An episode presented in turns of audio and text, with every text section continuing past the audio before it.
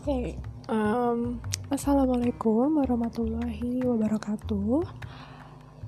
Salam sejahtera, Om Swastiastu, Namo Buddhaya, salam kebajikan buat semuanya. Ya, jadi salamnya sekarang aku tambahin supaya ya lebih universal gitu ya. Nah, teman-teman, uh, pagi ini aku Rosdiana Kita Sehari ya dan dengan kapasitasku sebagai uh, seorang mahasiswi profesi nurse di salah satu perguruan tinggi di uh, Depok ya aku ingin eh saya deh saya ingin uh, mengedukasi kembali kepada masyarakat gitu terkait dengan um, apa yang terjadi akhir-akhir ini uh, dan kita sedang menghadapi situasi sulit wabah COVID-19 yang sekarang tuh uh, ya hampir di semua rumah sakit bahkan yang bukan rumah sakit rujukan itu udah mulai apa ya udah mulai ya chaos bisa dibilang karena uh, membludaknya pasien yang datang dan kebanyakan ya pengen minta dites corona, minta dicek corona apa enggak kayak gitu kan. Nah, uh, di sini gue akan menjelaskan, jadi gue sih saya lagi, oke saya akan menjelaskan uh, sebenarnya dua poin utama yang ini jadi masalah sebenarnya, yaitu uh, call center COVID-19 itu gunanya untuk apa dan juga apa itu triase. Nah, ini juga uh, dari hasil uh, saya menganalisis gitu ya dari beberapa tweet yang udah saya baca tentang gimana apa ya sebenarnya dibilang kurang maksimal ya nggak bisa kita bilang gitu juga karena kan tergantung sama kapasitas si rumah sakit itu dan sumber daya yang ada di sana. Termasuk tenaga dokter perawatnya di sana ada berapa dan itu tuh ada hitung-hitungan rasionya gitu idealnya berapa ya. Jadi kalau misalnya emang udah over capacity ya ya wajar pelayanan itu menjadi uh, kualitasnya menurun gitu. Dan itu harus kita sadari betul gitu kecuali uh, eh, IGD itu lagi lowong-lowong aja dan pelayanannya nggak optimal nah itu kita bisa mempermasalahkan. Tapi kondisinya sekarang kita lagi ngadepin yang namanya pandemi teman-teman. Dan uh, untuk angka yang terakhir aja kemarin itu berapa sih? 309 atau 369 aku lupa. Tapi intinya angka ini bukan berangsur turun tapi justru naik. Dan ini baru angka yang terkonfirmasi.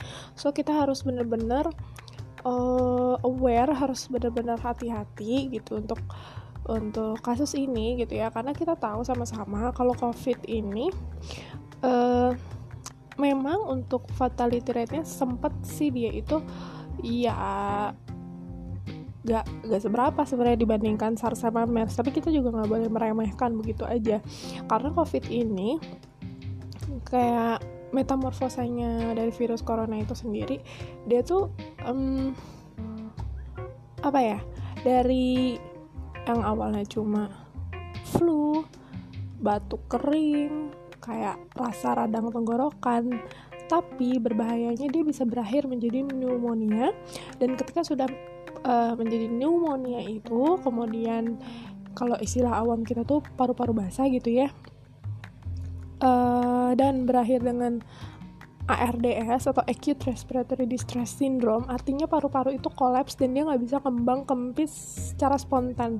Eh, itu bisa menimbulkan uh, efek jangka panjang yaitu fibrosis atau timbulnya luka parut pada jaringan paru yang yang itu nggak nggak bisa hilang gitu aja gitu. Setelah si uh, COVID-nya atau infeksi dari COVID-19-nya ini dinyatakan sembuh gitu. Jadi ada efek sisanya gitu. Ibaratnya kayak bekas jatuh, bekas lukanya. Nah, itu bekas luka yang ditimbulkan oleh COVID dan itu bahayanya. Nah, sekarang yang akan aku bahas pertama kali karena ini tuh udah gila banget ya di masyarakat itu yang datang ke rumah sakit bahkan beberapa rumah sakit itu sampai ngebuka tenda untuk meng apa ya menyaring pasien-pasien yang covid ini dan menyelamatkan pasien-pasien masuk IGD lain yang dengan kasus tidak menular dengan kasus penyakit tidak menular. Itu jangan sampai dia nyatu gitu kan. Nah kenapa sih ada call center covid 19 yang nomornya itu macam-macam beragam dan itu udah ada mulai dari puskesmas, rumah sakit sampai dengan di tingkat Kementerian Kesehatan kalau di Kementerian Kesehatan tuh hotline ya. Tapi kalau yang di puskesmas sama rumah sakit itu kan dia udah pelayanan langsung gitu. Jadi maksudnya nomor yang disediakan itu tujuannya adalah untuk ini ada kaitannya dengan pembahasan berikutnya yaitu triase.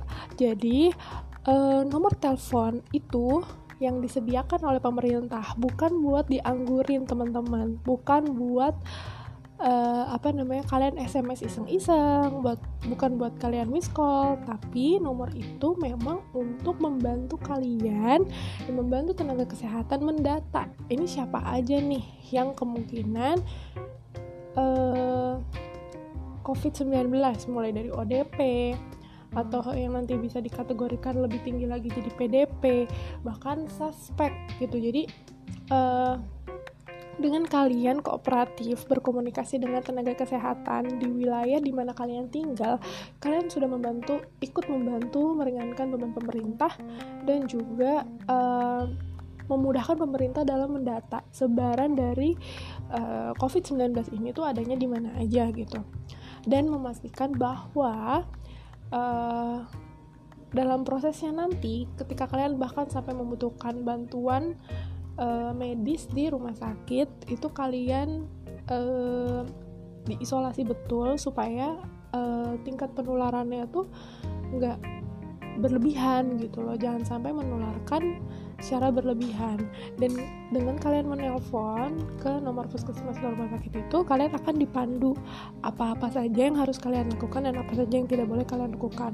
Bahkan kalian akan diarahkan bagaimana caranya untuk melakukan isolasi diri di rumah apabila kalian uh, menunjukkan gejala yang uh, menjurus kepada COVID-19 atau ditambah juga dengan kalian pernah terpapar dengan orang yang positif COVID, suspek COVID, atau um, pernah uh, bepergian ke negara-negara yang saat ini juga sedang menghadapi wabah COVID gitu. Kemudian um, ya kalau misalnya setelah da dari hasil telepon tersebut uh, kalian diminta untuk tetap di rumah, turut nurutin aja gitu. Tapi tetap di rumahnya juga bukan berarti kalian bisa sembarangan. Andai kata kalian dinyatakan uh, bapak uh, tergolong dalam pasien uh, tergolong sebagai pasien dalam pengawasan ya gitu. Jadi uh, Bapak diharapkan misalnya Bapak diharapkan untuk mengkarantina diri Bapak selama 14 hari di rumah. Dan diharapkan selama itu uh, pasien itu patuh uh, banyak beristirahat, makan makanan yang bergizi, mengonsumsi suplemen jika perlu, kemudian juga minimalisir kontak dengan anggota keluarga lain di rumah. Jadi meskipun kita tinggal bersama dengan anggota keluarga yang lain, usahakan kalau misalnya memang kita ragu, karena kan COVID ini asimptomatik juga ya kalau pada orang dewasa di awal-awal apa namanya masa inkubasinya. Jadi kita harus uh, waspada bahkan mungkin sampai akhir ada juga yang hanya menunjukkan gejala ringan. Nggak sampai pneumonia itu ada. Jadi uh, harus patuh. Karena ini bukan hanya tentang kesehatan diri kita sendiri tapi ini juga tentang kesehatan orang-orang yang kita cintai. Jadi kalau disuruh self isolation ya udah saya kita uh, dipisahkan di satu kamar sendiri. Kalaupun kita keluar itu hanya untuk ke kamar mandi ke dapur. Dan kalau bisa keperluan-keperluan itu kayak misalnya kita mau makan kita makannya di kamar aja gitu. Jadi cuma untuk ngambil makanan kayak gitu. Dan uh, ya minimalisir kontak dengan orang-orang yang beresiko kayak misalnya orang tua kita gitu yang udah sepuh. Kemudian juga bayi anak-anak uh, ibu hamil gitu ya. Nah itu harus dihindari. Kalau ini yang di kalangan masyarakat umum. Bahkan ada uh, beberapa video uh, di mana tenaga kesehatan itu ketika pulang ke rumah pun juga uh, dia nggak bisa main berpelukan atau menggendong anaknya karena dia seorang dokter karena dia perawat. Yang baru saja menangani kasus covid ada juga yang bahkan dinyatakan sebagai pasien dalam pengawasan dan itu menyedihkan banget teman-teman. Jadi jangan sampai gitu um, apa ya kalau bisa kalau sekarang tuh nggak nggak ada gejala jangan sampai kita menimbulkan adanya gejala dengan perilaku perilaku kita yang tidak patuh gitu dari pada anjuran pemerintah. Sebisa mungkin kalau tidak ada keperluan tidak ada hajat yang mendesak di rumah aja gitu. Jadi manfaatkan hot hotline call center atau apa pun itu yang ada di wilayah kalian yaitu untuk uh, membantu uh, tenaga kesehatan uh, dalam mengkategorikan apakah betul kalian COVID-19 atau enggak. Ini kalian termasuk yang gejala ringan kah, sedang, berat, sangat berat kayak gitu. Jadi tidak semua pasien COVID itu harus masuk rumah sakit, tidak semuanya. Contohnya apa? Contohnya di Amerika di Amerika kalau misalnya kalian lihat di Instagramnya VOA Indonesia itu ada videonya hmm, aku lupa itu reporternya atau gimana jadi uh, beliau notice bahwa baru saja kontak dengan orang yang uh, terkonfirmasi COVID-19, kemudian menghubungi uh, nomor darurat uh, negara setempat, kemudian uh, setelah menyebutkan umurnya, menyebutkan uh, tanda dan gejala yang dialami, bahkan di Amerika aja itu menyuruh si reporter ini dia usianya 24 atau 25 tahun aku lupa. Itu untuk stay di rumah, mengisolasi diri, mengkarantina dirinya sendiri selama 14 hari. Dia dilarang untuk bepergian ya. Dan apa namanya? harap dilihat tanda dan gejalanya hari ke hari. Kalau misalnya tanda gejalanya semakin memburuk dan udah sampai di tahap gak tahu harus ngapain dan obat-obatan pereda gejala kayak misalnya pereda demam, pereda flu, pereda batuknya itu udah nggak efektif obat-obat drugstore itu sudah tidak efektif baru uh, nanti akan dijemput oleh tenaga kesehatan dan dinyatakan bahwa si reporter itu bukan tergolong pasien prioritas yang uh, dianjurkan untuk masuk rumah sakit gitu. Jadi untuk Amerika aja menerapkan seperti itu, apalagi di Indonesia dengan segala keterbatasannya. Jadi semoga dengan teman-teman dengar ini uh, kalian bisa maklum dengan kondisi kita gitu dan berusaha meringankannya dengan itu. Sebelum kalian ke rumah sakit daripada kalian datang ke sana dan berakhir dengan kecewa atau di apa ya isolasi dengan uh, alur-alur yang menurut aku ada dari cerita orang-orang itu yang sudah berinisiatif untuk uh, tes covid di rumah sakit nyatanya alurnya tuh nggak aman gitu karena ada satu fase di mana dia ketemu sama orang dengan penyakit lain yang kemungkinan bukan covid gitu. Jadi itu akan sangat apa ya ya menaikkan angka penularan covid ini gitu. Jadi cara kita untuk menekan ya itu salah satunya dari inisiatif kita. Uh, nanti kalau gejalanya memburuk uh, ya kita sampaikan juga sama anggota keluarga yang anggota keluarga kita yang lain agar segera menghubungi nomor darurat yang sama atau call center yang sama. Kita nggak perlu ke rumah sakit biarkan pihak uh, apa namanya tenaga kesehatan beserta ambulans yang menjemput kita di rumah. Sehingga itu jauh lebih aman untuk orang-orang di sekitar kita. Kayak gitu ya. Jadi dimanfaatkan nomor call, nomor call centernya itu. Kalau misalnya di tingkat puskesmas kalian sudah menyediakan silahkan kalau yang ada rumah sakit boleh rumah sakit. Tapi kalau Kemenkes itu yang eh, pertanyaan-pertanyaan umum aja ya. Jadi kalau untuk penjemputan sih penjemputan oleh tenaga kesehatan atau konsultasi yang lebih detail itu uh, lebih prefer di puskesmas atau rumah sakit. Jadi misalnya rumah kamu di Pasar Rebo. Berarti uh, kamu bisa berkonsultasi dengan lebih efektif yaitu dengan uh, call center uh, puskesmas Pasar Rebo atau juga rumah sakit yang ada di area tersebut. Misalnya uh, eh, RSUD Pasar Rebo atau rumah sakit yang lain yang memang uh, direkomendasikan. Kalau nggak salah ada RSUD Adiaksa dan juga RSUD Pasar Minggu gitu. Kalian bisa telepon dulu supaya uh, memastikan bisa memastikan pun kalau kalian disuruh tetap stay di rumah, kalian tetap bisa nanya apa yang bisa kalian lakukan selama di rumah untuk melindungi diri kalian uh, make sure bahwa uh, walaupun kalian kemungkinan terinfeksi um, imun tubuh kalian bisa diperkuat dan bisa melawan si covid itu dengan baik kemudian juga mengamankan orang-orang yang kalian cintai di rumah supaya tidak tertular COVID-19 kayak gitu. Terus yang kedua akan aku bahas dan ini kaitan dengan yang tadi yaitu adalah triase. Apa sih itu triase? Jadi triase itu sebenarnya adalah metode pemilahan uh, pasien yang masuk ke rumah sakit uh, dan ini memang betul betul-betul dipergunakan terutama pada saat wabah seperti ini. Sangat berat sih kalau misalnya mainnya pakai hati ya. Jadi ya tenaga kesehatan bukan yang nggak nggak pakai hati gitu tapi uh, kita harus mengacu juga kepada sistem yang ada gitu. Jadi yang paling adil adalah dengan triase ini triase itu kita memilah pasien dan kita berusaha memberikan uh, bantuan semaksimal mungkin uh, agar uh, angka harapan hidup itu semakin bertambah. Uh, baik itu ya kualitas maupun kuantitas. Tapi disesuaikan balik lagi disesuaikan dengan kemampuan uh, si rumah sakit itu baik dari sumber daya tenaga kesehatan yang ada maupun sarana dan prasarana yang ada. Jadi nggak boleh juga walaupun ada nih tenaga kesehatannya. Tenaganya ada tapi sarana prasarananya nggak mendukung. Misalnya APD-nya nggak lengkap. Datang nih pasien COVID nggak bisa. Karena itu bikin uh, apa ya korbannya itu nanti jadi dua kali lipat gitu ya si pasiennya itu korban. Nanti nambah lagi tenaga kesehatan rumah sakitnya itu korban. Sedangkan tenaga kesehatan itu nggak cuma menangani satu dua pasien.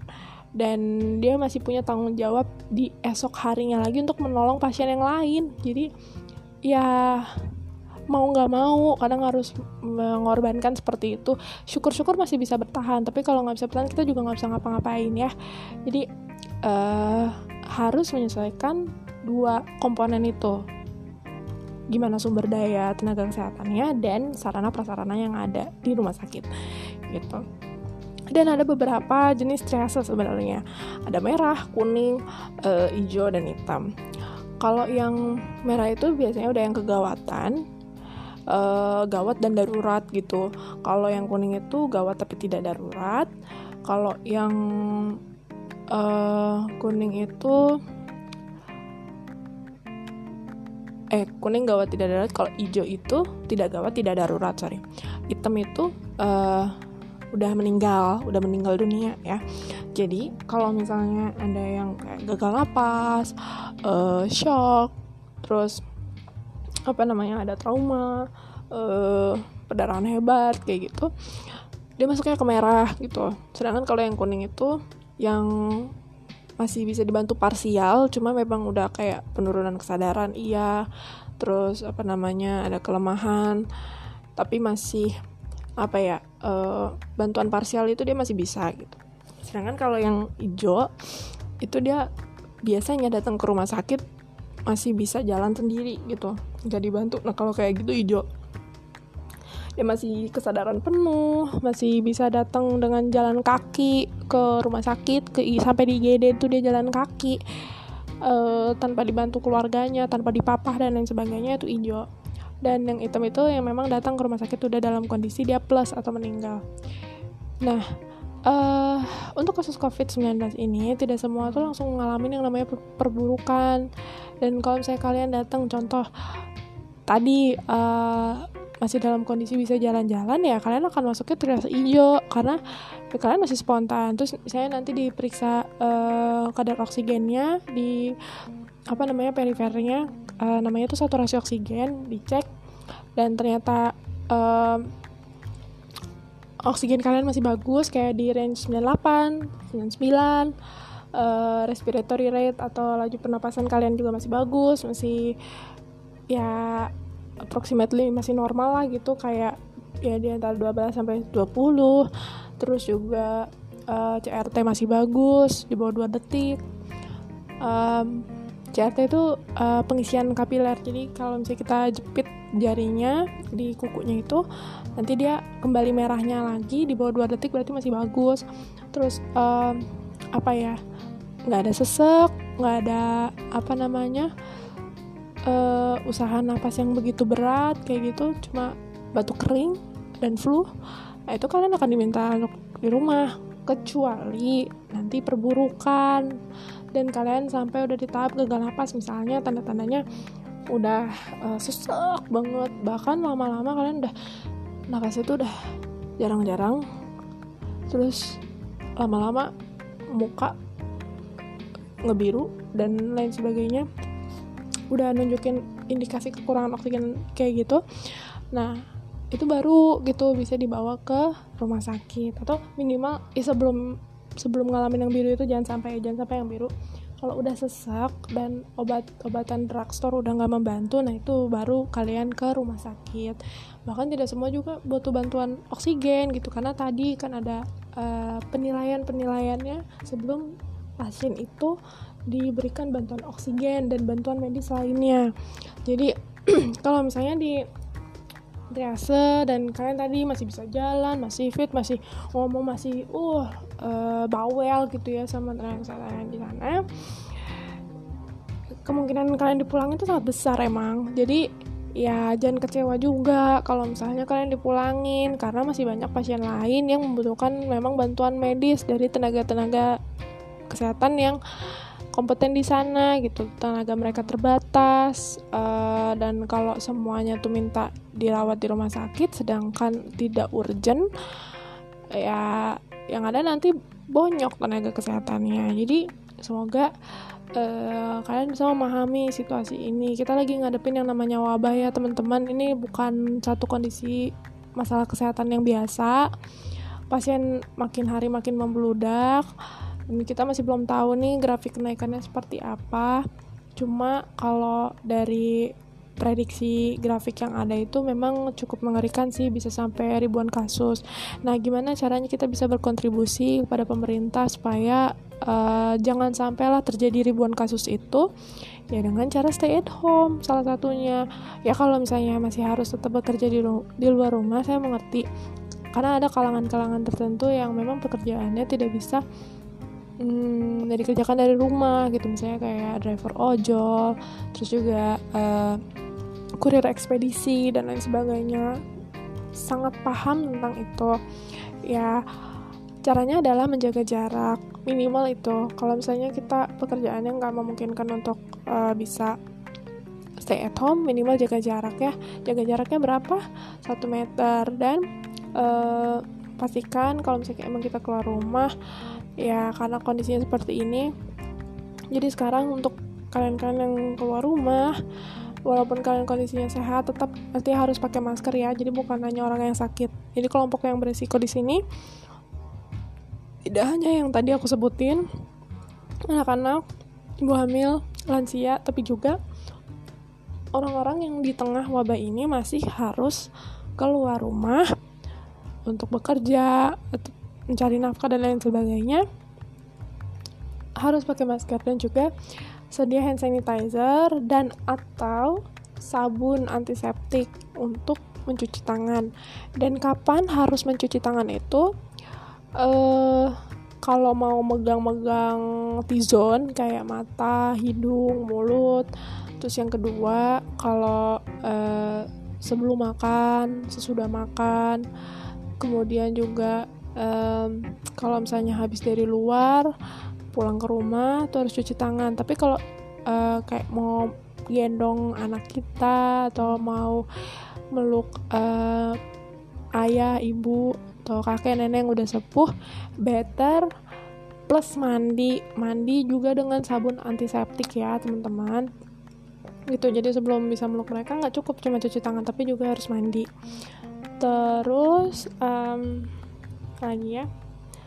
Habis makan itu terus uh, ya biasalah kalau sebelum eh sebelum sesudah buang air kecil buang air besar ya jangan sampai lupa juga. Jadi untuk penggunaan hand sanitizer ataupun uh, sabun antiseptik itu uh, saran ya ini tambahan. Uh, sebaiknya sih balance gitu. Jadi jangan sampai kalian uh, mentang-mentang nyetok nih ya misalnya hand sanitizer banyak. Ah gue cukup kok pakai hand sanitizer nggak kayak gitu konsepnya. Jadi hand sanitizer itu kan ada kandungan alkohol dan itu keras banget ke kulit. Ya even dia 70% gitu ya udah disesuaikan pokoknya yang dengan batas toleransi kulit. Tapi batas toleransi kulit setiap orang itu beda-beda. Ada yang ngeletek-ngeletek kulitnya karena ya itu kena alkohol. Dan kalau memang sesensitif itu sebaiknya lebih banyak menggunakan sabun antiseptik. Tapi kalau kalian cukup toleran ya it's okay. Tapi rekomendasi kalau misalnya udah lima kali menggunakan uh, si hand sanitizer setelah itu cuci tangan. Setiap lima kali menggunakan hand sanitizer ingat satu kali cuci tangan. Kayak gitu ya supaya tetap menjaga kelembapan dari kulit tangan kalian. Kayak gitu. Oke mungkin itu aja sedikit penjelasan dari aku. Semoga kita semua uh, kita sebenarnya dengan stay at home kayak gini pahlawan itu bukan cuma tenaga medis yang ada di rumah eh, yang ada di rumah sakit saat ini gitu kita semua warga negara Indonesia bisa menjadi bagian dari pahlawan yang mampu memberantas COVID-19 ini dari Indonesia. So, berkontribusilah dengan cara yang semestinya, dengan kapasitas yang kalian punya, dan bantulah pemerintah saat ini untuk meringankan beban dengan cara kita menekan penularannya. So much things that we can do. Kalau kita ragu, uh, atau ternyata dari hasil penapisan ternyata kita ada kemungkinan mengalami COVID, isolasi diri, self quarantine selama 14 hari di kamarmu sendiri, jangan tidur bareng sama anggota keluarga yang lain, jangan terlalu dekat berinteraksi dengan anggota keluarga yang lain, beri jarak minimum 1 meter. Kemudian, uh, yang kedua, pergunakanlah dengan baik nomor call center COVID-19 yang telah disediakan oleh pemerintah mulai dari puskesmas sampai dengan Kemenkes karena di situ kalian bisa konsultasi juga kok. Kalian nggak harus langsung datang ke rumah sakit karena kalau sampai benar kalian membawa virus COVID-19 itu di dalam tubuh kalian kalian berpotensi untuk menularkan ke banyak orang selama kalian dalam perjalanan menuju rumah sakit. Notice itu baik-baik. Terus yang ketiga please uh, dengan riuhnya sekarang IGD di hampir semua rumah sakit bahkan tidak terkecuali yang rumah sakit bukan rujukan uh, harap mengerti kapasitas dari tenaga kesehatan sarpras yang ada rumah sakit tersebut. Jangan ditambah lagi beban nakes terus kalian marah-marah dan lain sebagainya. Sedangkan kalian datang ke sana dalam kondisi bisa jalan kaki sehat tampak sehat ya tampak sehat. Uh, hanya flu dan batuk kering biasa Selama masih kondisinya seperti itu, kalian bisa mengkarantina diri kalian sendiri di rumah dan kalian bisa melawan COVID-19 itu dengan imun sistem kalian sendiri gitu dengan catatan istirahat yang cukup, makan yang bergizi, uh, berolahraga di rumah gitu ya. Jadi tidak semuanya butuh ke rumah sakit. Mereka yang ke rumah sakit itu adalah mereka yang dengan gejala berat hingga berat sekali. Mereka yang membutuhkan support alat medis bantuan oksigen, bantuan obat-obatan, uh, ketat gitu ya. Bahkan bantuan intubasi, ventilator, ventilasi mekanik. Uh, jadi nafasnya dibantu, nafasnya disetting sama alat itu yang harus masuk ke rumah sakit. Dan dari kelompok usia yang ada, yang paling rentan itu adalah ya lansia, dewasa yang masih harus bekerja di luar rumah yang pada akhirnya mungkin terinfeksi bahkan sudah ada tenaga kesehatan kita dokter dan perawat yang menjadi korban. So tingkatkan empati kita yuk sekarang dan kita doakan bersama semoga wabah ini segera berlalu. Uh, semoga dengan adanya wabah ini menjadikan kita pribadi yang lebih sabar lebih tenang dan lebih bijaksana ke depannya. Jangan nyetok-nyetok masker, jangan nyetok-nyetok sarung tangan bedah, sarung tangan medis. Jangan nyetok-nyetok alkohol swab buat ngelapin HP kalian, please. Buat ngelap HP kalian, tisu basah cukup. Buat uh, melindungi tangan kalian ketika kalian ke supermarket atau kalian naik kendaraan umum, sarung tangan plastik cukup. Buat melindungi ini kalian, hidung kalian, masker. Beli secukupnya. Di Kimia Farma nyediain per orang bisa beli dua buah harganya ribu rupiah. Nggak perlu nyetok. Tenaga kesehatan lebih membutuhkan itu. Kalau tenaga kesehatan sebagai garda terdepannya udah tumbang dan mereka udah nggak bisa dapetin APD dengan harga yang terjangkau kalian bisa apa? Ingat itu baik-baik. Oke. okay thank you buat kalian semua yang udah mau dengerin. Thank you juga buat kalian yang udah mau mengerti keadaannya setelah mendengar podcast ini. Semoga kita semua uh, selalu dijaga kesehatannya oleh Tuhan yang Maha Esa. Uh, Allah Subhanahu Wa Taala. Uh, salam pamit. Wassalamualaikum warahmatullahi wabarakatuh. Selamat pagi